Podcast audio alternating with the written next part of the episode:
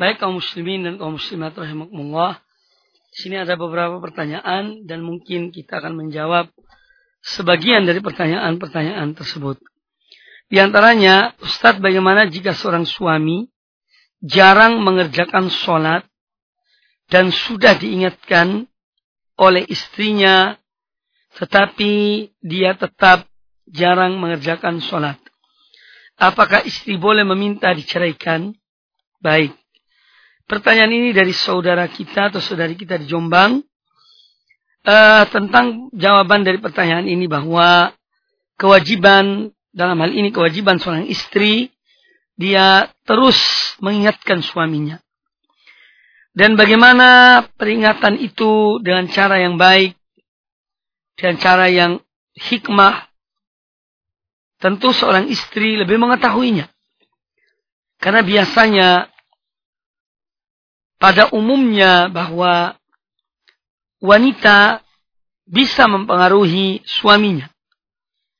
Apalagi dalam hal-hal kebaikan. Kalau dalam hal-hal yang buruk bisa, maka insya Allah Ta'ala dalam hal yang baik ini, mudah-mudahan penanya bisa terus menasihati suaminya agar dia mengerjakan sholat.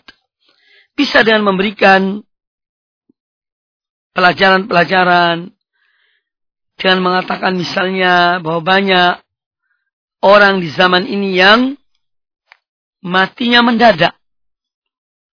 Tahu-taunya meninggal. Nah, katakan pada suami Anda, apa kita tidak takut? Kalau-kalau kita ini meninggal dalam keadaan tidak siap. Dalam keadaan meninggalkan sholat. Tahu-taunya meninggal. Dan itu tidak mustahil bagi kita. Nah, ini mungkin akan menimbulkan rasa khawatir dalam dirinya. Jadi uh, diusahakan semaksimal mungkin menasihati suami tersebut. Kalau memang sudah berusaha dengan maksimal, namun toh masih meninggalkan sholat, maka istri berhak untuk menyampaikan permasalahan ini kepada KUA dan ini termasuk hal yang dibolehkan seorang meminta diceraikan oleh suaminya karena suami meninggalkan sholat. Karena sholat adalah merupakan amal ibadah pertama yang akan dihisab di hari kiamat kelak. Maka apabila seorang tidak mengerjakan sholat, tidak ada manfaatnya kehidupan di dunia ini. Bahkan sebagian ulama ada yang mengkafirkan orang yang meninggalkan sholat. Mereka memutuskan bahwa orang tersebut adalah kafir keluar dari Islam. Walaupun itu pendapat sebagian kecil dari ulama, tetapi ini merupakan bahan pertimbangan bagi kita tentang betapa perhatian para ulama mengenai sholat ini. Jadi janganlah digampangkan masalah sholat. Namun usaha untuk memberi peringatan, mengingatkan suami atau orang-orang yang tidak sholat ini tetap kita lakukan. Tapi dalam kasus pertanyaan ini, kalau memang sudah maksimal dan Anda merasa sudah maksimal memberikan nasihat, mengingatkan suami Anda untuk sholat, tetapi dia tidak mau sholat, maka Anda punya hak untuk menggugat atau menyampaikan uh, gugatan agar diceraikan oleh suami. Wallahu a'lam. Pertanyaan berikutnya, Ustadz ibu saya sering menghabiskan pulsa HP. Setiap saya isi untuk urus, uh, setiap saya isi selalu dihabiskan untuk urusan-urusan yang tidak berguna. Setelah dikasih tahu, tetap tidak mempan. Bagaimana sikap saya? Baik.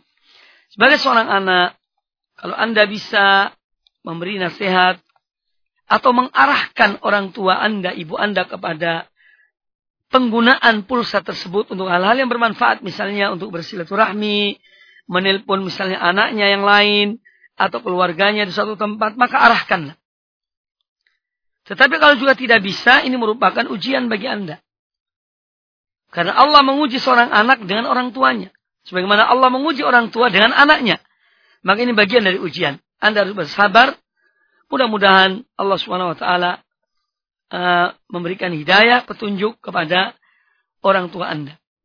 Dan bagaimanapun harta yang dikeluarkan itu, ya satu hal yang memang di satu sisi apabila seorang tua orang tua meminta harta dari kita dan kita mempunyainya, kita memberikannya. Tapi di sisi lain, sebagaimana dijelaskan dalam pertanyaan ini, bahwa dia menghabiskan pulsa itu uh, untuk hal-hal yang tidak bermanfaat atau tidak berguna. Maka di sini pentingnya Anda mengarahkan atau mungkin suatu saat Anda tidak perlu mengisi pulsa. Biarkan HP itu kosong, tidak ada pulsanya. Ini mungkin dengan demikian nanti dia akan mengurangi menggunakannya dengan uh, untuk hal-hal yang tidak berguna. Wallahu taala a'lam.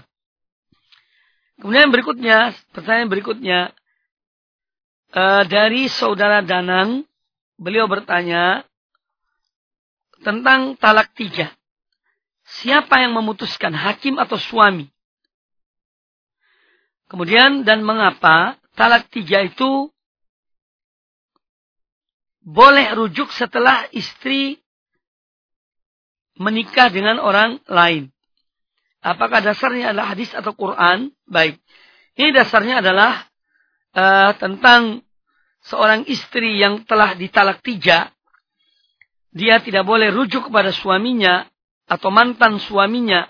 Kecuali dengan dia menikahi seorang laki-laki yang lain Kemudian mereka berkumpul dan suatu saat mereka bercerai dan tidak dibuat-buat, tetapi memang secara alami. Baru kemudian apabila mereka ingin kembali atau istri ingin kembali dengan mantan suaminya atau suami yang pertama, itu dibolehkan. Ini adalah dari ketetapan Al-Quranul Karim.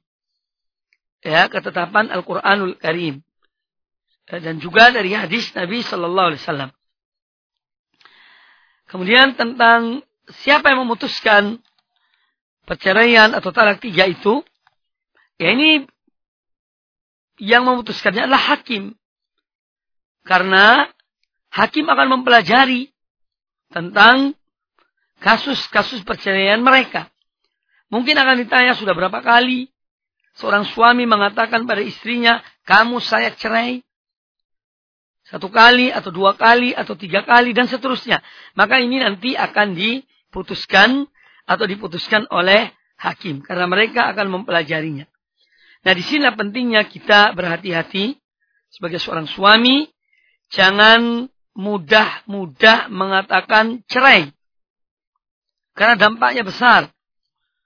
Kalau satu kali kita ucapkan masih dimaafkan. Jangan kita merujuk.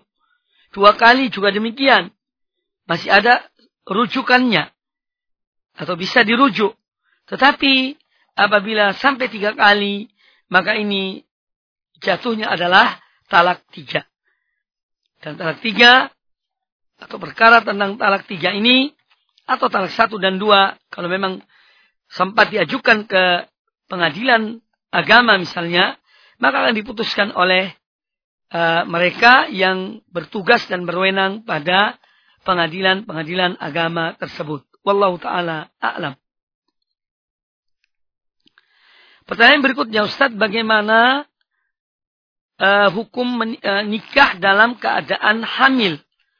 Apakah berdosa bagi yang menikahkannya dan sanksinya uh, dan saksinya? Ini ada perbedaan di kalangan ulama tentang masalah ini. Perlu diketahui bahwa wanita yang hamil karena perbuatan zina ini ada beberapa kemungkinan ketika dia dinikahi. Yang pertama, dia dalam keadaan hamil dan dia dinikahi dalam keadaan hamil tersebut oleh laki-laki yang menghamilinya. Ini kondisi yang pertama. Kondisi yang kedua, wanita yang hamil ini dinikahi oleh orang lain. bukan laki-laki yang menghamilinya. Adapun dalam masalah ini yang kami pelajari, kami cenderung kepada pendapat yang membolehkan wanita hamil itu dinikahi oleh orang laki-laki yang menghamili, yang menghamilkannya. Yang menghamilkannya. Adapun kalau orang lain, kami cenderung kepada pendapat yang melarangnya dan mengharamkannya. Sampai dia melahirkan anaknya. Demikian pula, wanita dalam masalah ini, bahwa sebagian ulama mengatakan, ketika seorang wanita hamil dinikahi oleh laki-laki yang menghamili, yang menghamilkannya, ini sebagian ulama mengatakan apabila bayi telah atau wanita itu telah melahirkan anaknya, maka dianjurkan atau mereka mengatakan agar akad nikahnya diperbaharui. Ini ada sebagian ulama yang berpendapat demikian. Wallahu ta'ala alam. Tapi yang jelas bahwa uh, kalau terjadi hal ini, jika yang menikahinya adalah laki-laki yang menghamilkannya, maka kami cenderung kepada pendapat yang membolehkannya. Kami cenderung kepada pendapat yang membolehkannya. Wallahu ta'ala a'lam.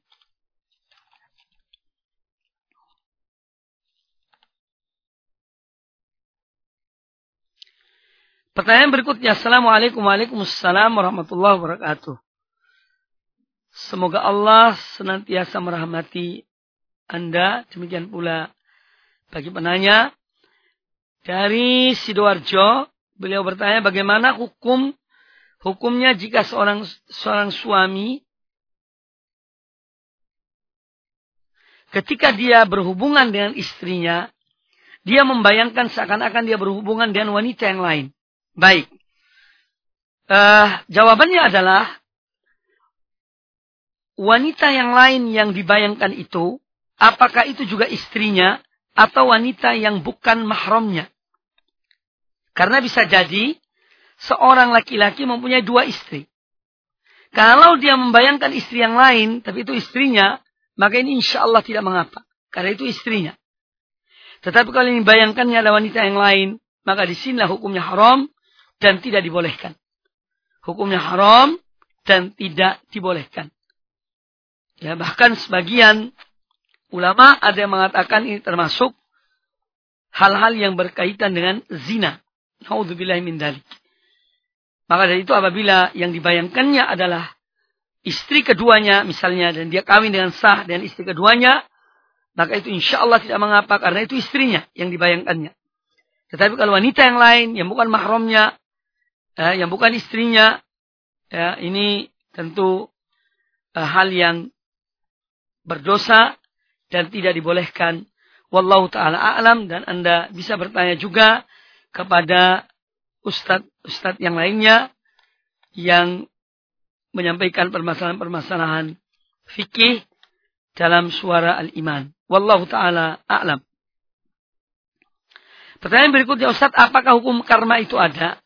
Sebetulnya istilah hukum karma ini dari ajaran agama Hindu. Hindu. Adapun dalam Islam bahwa di dalam Islam setiap perbuatan ada balasannya. Kalau perbuatan itu baik, dibalas dengan kebaikan. Kalau perbuatan buruk, maka Allah pun akan, akan memberikan balasan sesuai dengan perbuatan buruk yang dikerjakan oleh seseorang. Sebagaimana Allah Ta'ala berfirman, Jaza'u sayyiatin sayyiatun mithluha. Ya, balasan bagi satu keburukan, keburukan yang serupa dengannya. Ini adalah istilah dalam Al-Quran dan Sunnah Nabi SAW juga para ulama yang mengatakan bahwa al-jaza'u min jinsil amal. Bahwa balasan bagi suatu perbuatan dan perbuat dengan dari jenis yang perbuatan yang sama. Jadi istilah karma itu tidak ada dalam dalam Islam. Tapi Islam meyakini bahwa suatu perbuatan yang baik akan dibalas oleh Allah Ta'ala dengan suatu kebaikan. Bahkan berlipat ganda kebaikan itu dan perbuatan yang buruk juga akan dibalas oleh Allah Ta'ala kalau seorang tidak bertobat dan tidak kembali kepada Allah Ta'ala. Allah membalasnya keburukan itu dan keburukan yang setimpal wallahu taala a'lam.